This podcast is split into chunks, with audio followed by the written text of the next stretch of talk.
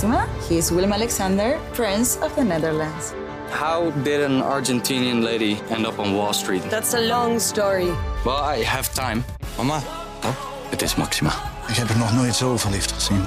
Screw everyone. All I care about is you. Maxima. Vanaf 20 april alleen bij Videoland.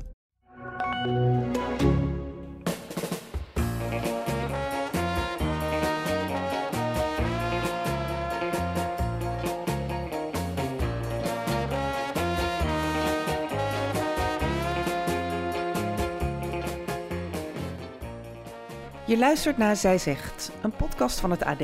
Welkom. Mijn naam is Debbie Gerritsen, ik ben columnist en iedere week bekijk ik voor mijn column een actueel onderwerp vanuit een vrouwelijk perspectief. In deze podcast duik ik samen met een vrouwelijke expert nog wat dieper in de materie. Deze week gaat mijn column, hoe kan het ook anders, over de oorlog in Oekraïne. Poetins oorlog is flink op stoom en veroorzaakt onbeschrijfelijk veel leed. Het interesseert hem helaas geen reet. Maar de rest van de wereld gelukkig wel. Want we zien een enorme drang om te helpen. Er komen inzamelingsacties op gang. Mannen melden zich spontaan om te vechten aan het front. En de bereidwilligheid om vluchtelingen op te vangen is ja, echt enorm. Zelf speelde ik ook voor het eerst met die gedachte. Al is mijn huis wel heel klein, maar toch. En die drang om te helpen komt echt uit een goed hart. En is bovendien ook hard nodig. En toch schuurde het een beetje, want ik voelde dit niet eerder op deze manier. Waarom brengt deze oorlog zoveel hulpvaardige mensen op de been, terwijl er eigenlijk al jaren wordt gevochten in Jemen, in Congo, Afghanistan en in Syrië? En hoe is het mogelijk eigenlijk dat ik afgelopen zomer, zonder gewetensvroeging, met een biertje in de hand aan de Middellandse Zee lag te genieten van de zon, terwijl de lichamen van bootvluchtelingen in diezelfde zee drijven. Kortom, waarom raakt de ene ramp of de ene oorlog ons meer dan de ander? Ik praat hierover met Thea Hilhorst, hoogleraar humanitaire hulp aan de Erasmus Universiteit in Rotterdam. Ik ben ongelooflijk blij dat ze eventjes tijd van mij wilde vrijmaken, want je kan je voorstellen, zij is ongelooflijk druk um, in deze periode. Sad but true. We gaan haar bellen.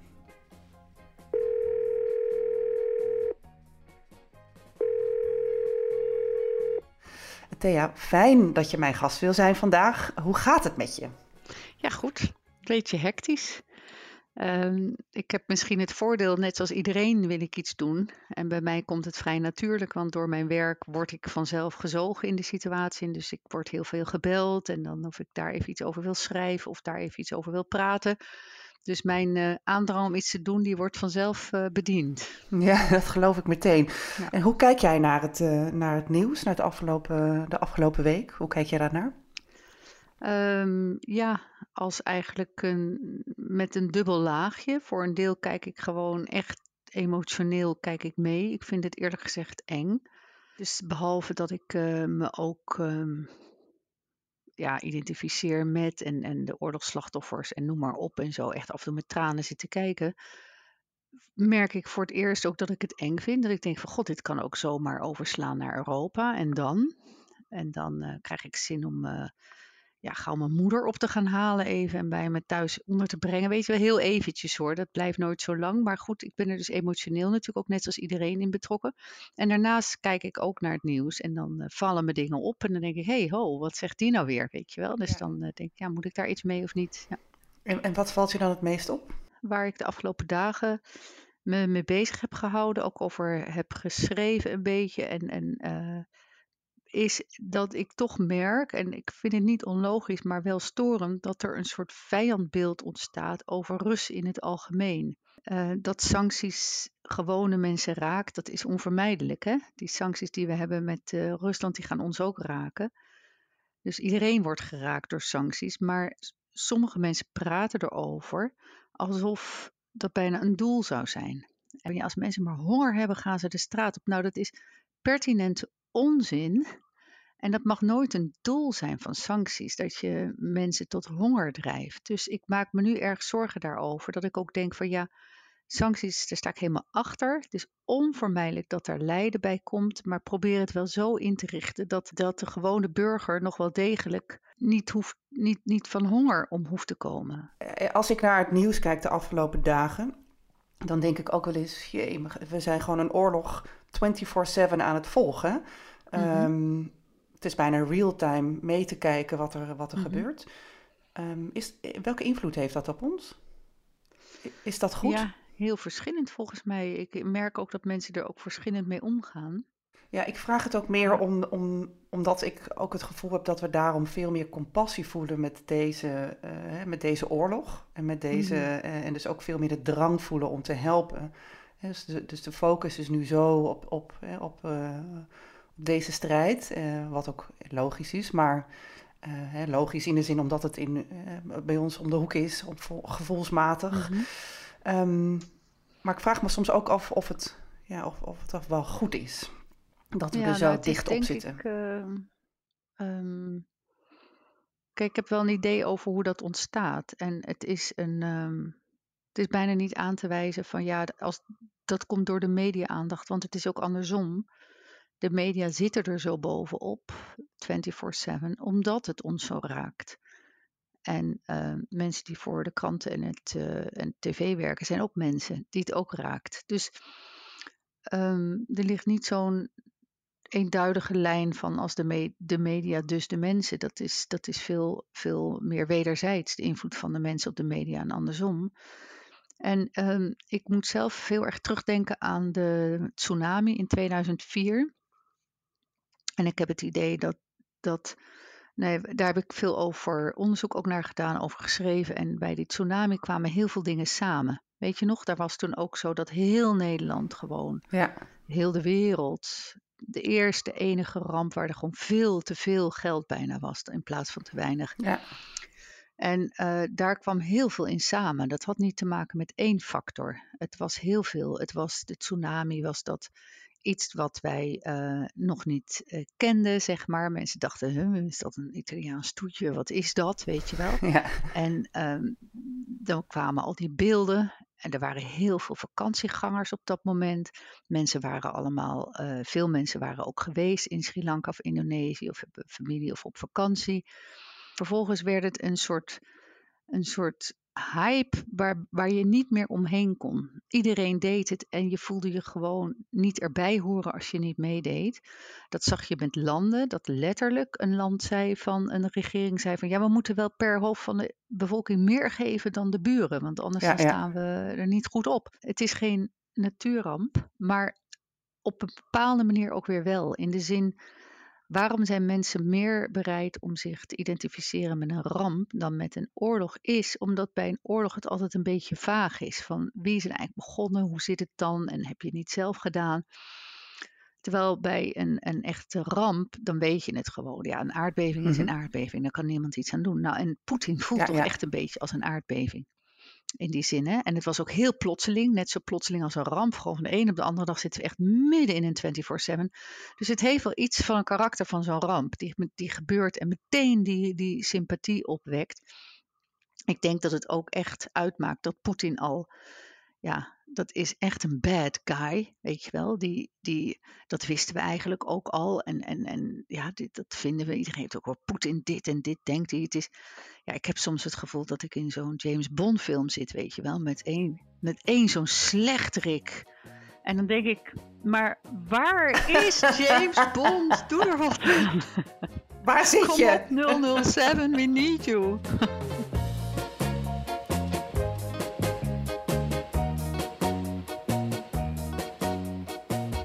Wat er ook in zit is, uh, het is dichterbij onze, het is dichterbij in de zin dat we ons makkelijker kunnen identificeren met mede-Europeanen. Voor oude mensen, die weten ook van, uh, nog echt uit herinnering, maar de rest van ons uit overlevering.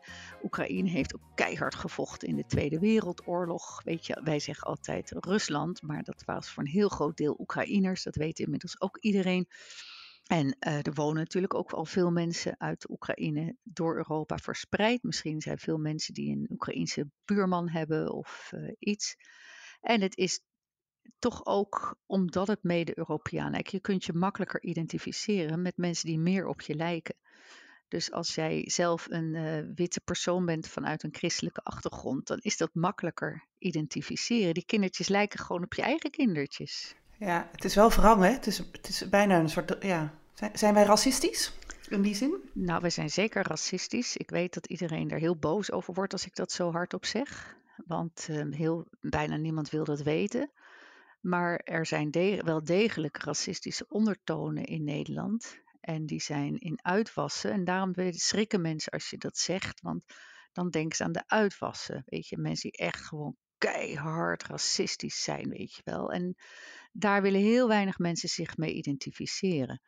Maar het wat we noemen alledaags racisme, dat zit heel diep in onze samenleving. Wat ik dan ook weer zo interessant nu vind, is dat eigenlijk al die identificatie-issues die ik net noemde, daarom, daarom komt er meer bij. Het is niet alleen de identificatie. En ik wil dat racisme ook echt niet centraal stellen, want eigenlijk zijn we natuurlijk ook helemaal niet zo positief over Oost-Europeanen geweest de afgelopen jaren. Nee, precies. Kijk, dan is het weliswaar niet met racistische ondertoon, maar we hebben natuurlijk wel degelijk ook stevig gediscrimineerd.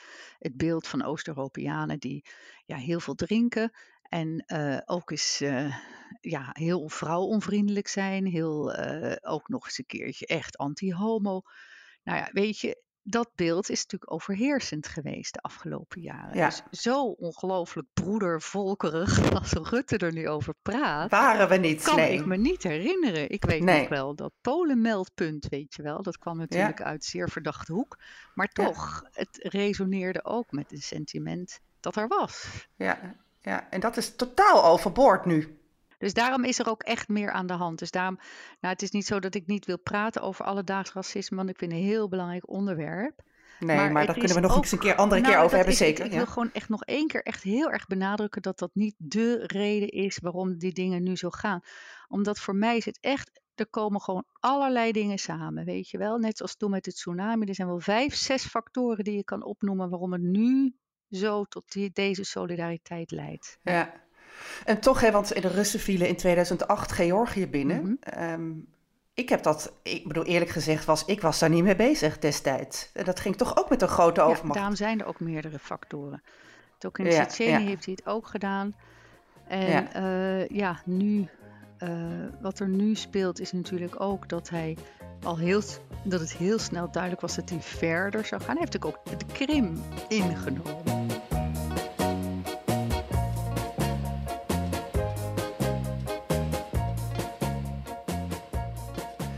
Die vluchtelingen. Um, er, uh, er, is hier heel veel aandacht voor. En mensen hebben, zijn heel erg geneigd om te helpen. Mm -hmm. Heb jij die neiging ook? Heb jij een persoonlijke neiging om te helpen? Ik hoor, ik hoor om mij heen vrienden zeggen, nou, ik heb nog wel een kamer over. Nou, dat hartstikke wel, goed. Uh, ja, is ook heel, heel goed. goed. Uh, heb, heb, jij die neiging? Uh, nou ja, toevallig hebben wij een, wij hebben al een keer eerder, wij hebben, een, wij hebben al een kamer beschikbaar gesteld via Take Care B&B.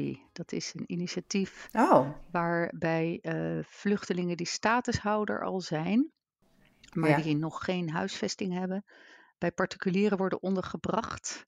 Heel mooi initiatief, want Zeker? je hebt dus een vluchteling in huis en daardoor raakt hij ook alvast bekend met de stad waar ze later komt te wonen, want het is in de stad waar ze op de lijst staat voor huisvesting. En je maakt een plekje vrij in de AZC voor een nieuwe vluchteling die weer komt. Want dat is nu het probleem hè, in de asielzoekerscentra, dat het zo vol zit met vluchtelingen die al een status hebben, dat de nieuwe er niet bij kunnen.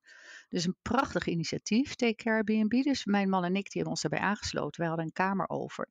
Wij dachten, goh, daar gaan we iets sociaal uh, bestemming aan geven. Dus toevallig hebben wij al iemand in huis, dus dat is bij ons niet aan de orde. Nou, wat geweldig. Wat ik er ook zo mooi aan vind, is je hoeft het niet te doen uh, met een zonder einde, zeg maar. Je, het is voor drie maanden. Dus het is heel overzichtelijk. Nou, na drie maanden mag je zeggen van blijf maar. Maar je kan ook na drie maanden zeggen van nee, drie maanden is drie maanden. En dan gaat iemand niet terug naar het AZC, dan gaat hij naar de volgende familie.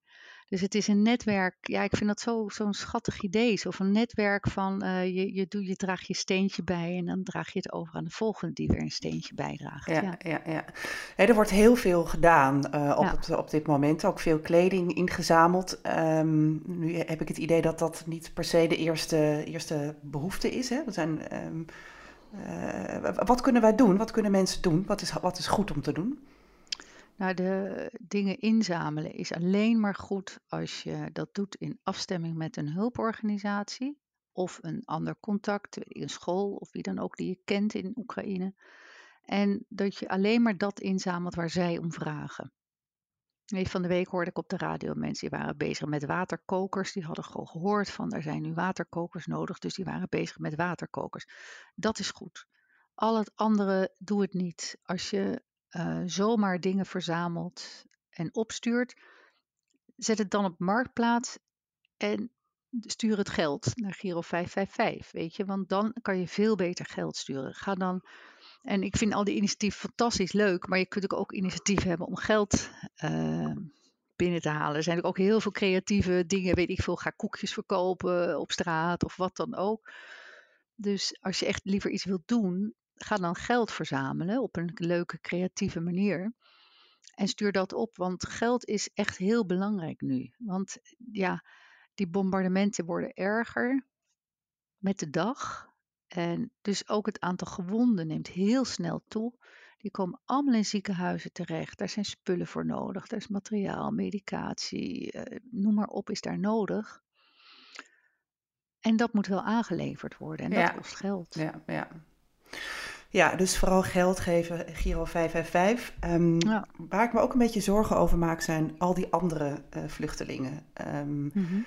uh, er zijn, er zijn nog zoveel vluchtelingenstromen. Ik bedoel, als we naar uh, Zuid-Europa kijken, er zijn heel veel vluchtelingen die daar in verschrikkelijke omstandigheden zitten. Hoe kunnen we daar onze focus wat meer naartoe gaan, gaan buigen? Nou, ik denk dat dat een reële zorg is van je. Want um, nou, ik kan er wel meerdere dingen over zeggen. Eentje is dat ik geloof niet eigenlijk dat wij vluchtelingen zomaar vergeten. Ik, dat wordt wel vaak gezegd, maar dat is niet zo. Nee. Vluchtelingen worden in de steek gelaten voor een groot gedeelte. Het is overigens ook een groot probleem. Nou, we kunnen we ook weer een hele podcast aan wijden. maar het punt wat ik hier wil maken is dat uh, onderzoek na onderzoek na onderzoek laat gewoon zien dat Europeanen wel degelijk solidair zijn met vluchtelingen, meer dan dan hun overheden. Hmm. Dus uh, Europese mensen overal, hè, ook in Oost-Europa, die zijn uit onderzoek meer solidair. Die vinden dat er meer vluchtelingen moeten worden opgenomen dan hun regeringen. Ik denk dat de regeringen te veel hun oor laten hangen naar extreem rechts, het rechtspopulisme, en daar zo bang voor zijn dat ze eigenlijk veel meer die kant op kijken dan die andere kant op kijken, waar al die mensen staan die wel degelijk draagvlak zijn voor vluchtelingen. Ik heb ook wel eens een tijdje had ik zo'n hashtag op Twitter. Ben ik geen draagvlak, weet je wel? Er werd maar steeds gezegd, er is geen draagvlak voor vluchtelingen. Ik denk bij mezelf, verdorie, ik ben toch ook draagvlak? En ik ben wel. En, nou, en de meerderheid van mensen, ook in Nederland, vindt dat we meer moeten doen voor vluchtelingen. Dus dat wil ik echt ook zeggen van, die solidariteit is er wel. Maar wat we ook gaan zien, is dat er institutioneel, dat het gewoon vastloopt. En dat is echt een reëel iets.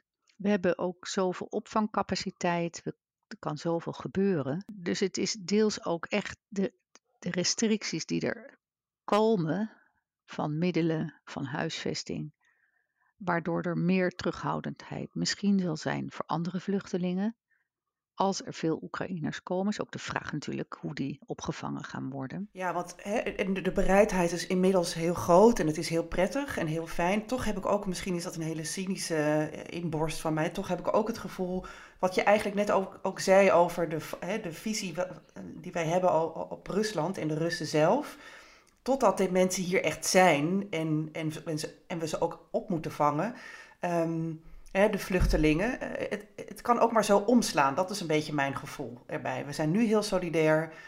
Totdat, totdat er echt iets moet mhm. gebeuren. En, en, eh, en we zijn een half jaar verder. Wat dan? Eh, zie jij dat? Ja, nou dat is een beetje koffiedik kijken. Maar als ik terugdenk in de jaren negentig, met ex-Jugoslavië is dat gewoon eigenlijk heel goed gegaan. Hè? Die, er zijn toen heel veel mensen gekomen, voor Europa verspreid. Zijn ook goed geïntegreerd over het algemeen. Dus daar kunnen we wel een voorbeeld aan nemen. Ja, Ja, terwijl daarentegen een, een ander voorbeeld, dat zijn de Syriërs. Die toen zo, weet je, weer Schaffendas. En daar zag je natuurlijk wel dat, dat eerst heel solidair.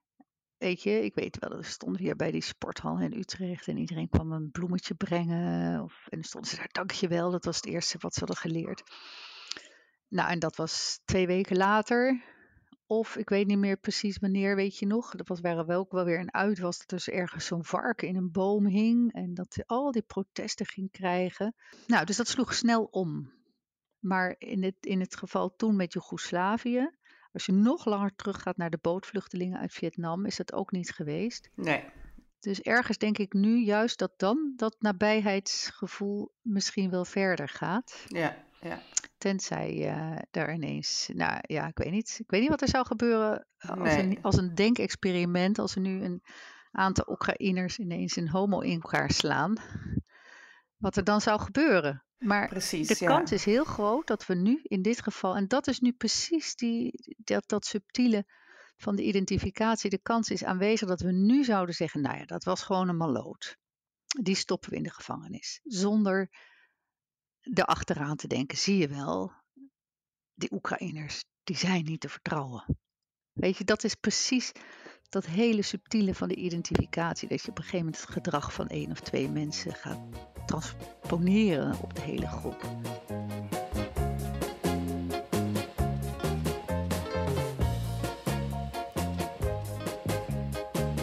Stel, je, hebt geen, je wil graag wat doen, maar je hebt geen opvang in huis. Je hebt geen kamers over, je kan eh, geld sturen. Eh, Wat helpt nog meer? Ik bedoel, helpen bijvoorbeeld steunbetuigingen online. He- Heeft dat zin allemaal? Hartelijkheid. Hartelijkheid helpt.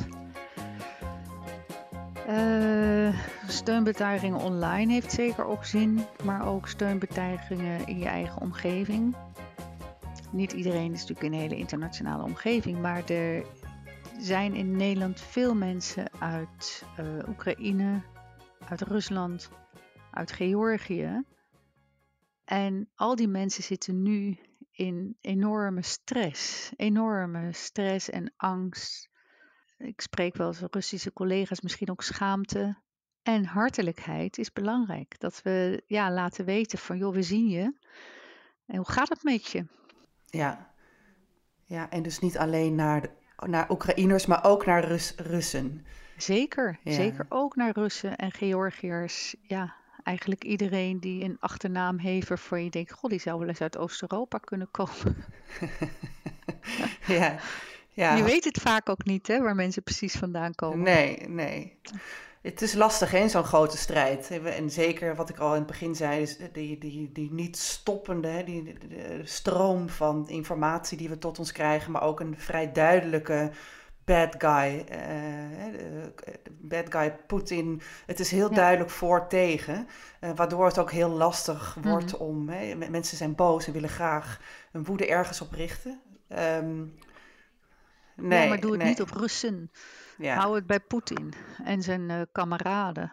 En nogmaals, ik snap ook heel goed dat sancties altijd lijden met zich meebrengen. En dat is een hele moeilijke afweging. Maar richt het zo in dat. Kijk, de, de allergrootste, grootste meerderheid van Russen heeft het gewoon altijd al heel zwaar. En eh, is economisch Nee. helemaal niet goed af. Nee. Ja. Zo, zo, het zou het zo fijn zijn als zo'n Poetin daar heel erg druk over zou maken. Nee. Dat doet hij niet. Dat heeft hij echt laten merken. Dat, hij, dat hem dat geen ene nee, klap nee, interesseert. bijzonder. Goed, ik heb eh, veel geleerd eh, weer afgelopen half uur. Ehm, en ik wil je ontzettend bedanken hiervoor. Want ik weet Nou, ik vond het hartstikke leuk. Zo'n echt gesprek. Nou, heel fijn. Dan, eh, dan ga ik je vast nog wel eens een keertje bellen als het over dit onderwerp gaat. Je luisterde naar Zij Zegt, een podcast van het AD. Mijn naam is Debbie Gerritsen. Wil je meer van mij horen, en dat wil jij? Ga dan naar ad.nl slash zijzegt en abonneer je op mijn nieuwsbrief.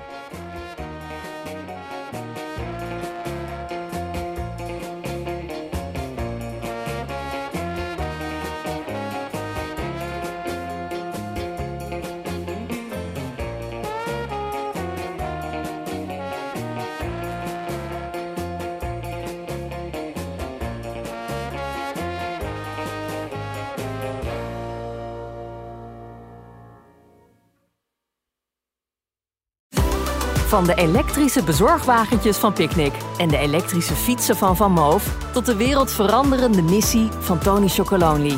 Welke inspirerende verhalen schuilen er achter deze succesvolle Nederlandse bedrijven? Dat was eigenlijk voor ons wel op een gegeven moment dat we dachten: hé, hey, wacht eens even.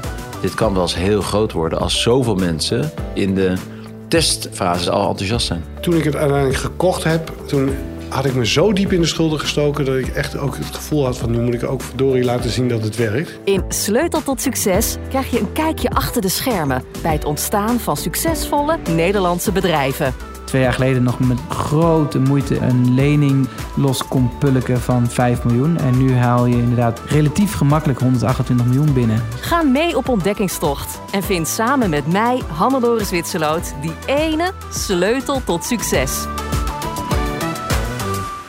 Sleutel tot Succes is een podcastserie van De Ondernemer en Topcast Media. Beluister Sleutel tot Succes nu in je favoriete podcast-app. Maxima, he is Willem Alexander, Prince of the Netherlands. How did an Argentinian lady end up on Wall Street? That's a long story. Well, I have time. Mama, Oh, het is Maxima. ik heb er nog nooit zo verliefd gezien. Screw everyone. All I care about is you. Maxima. Vanaf 20 april alleen bij Videoland.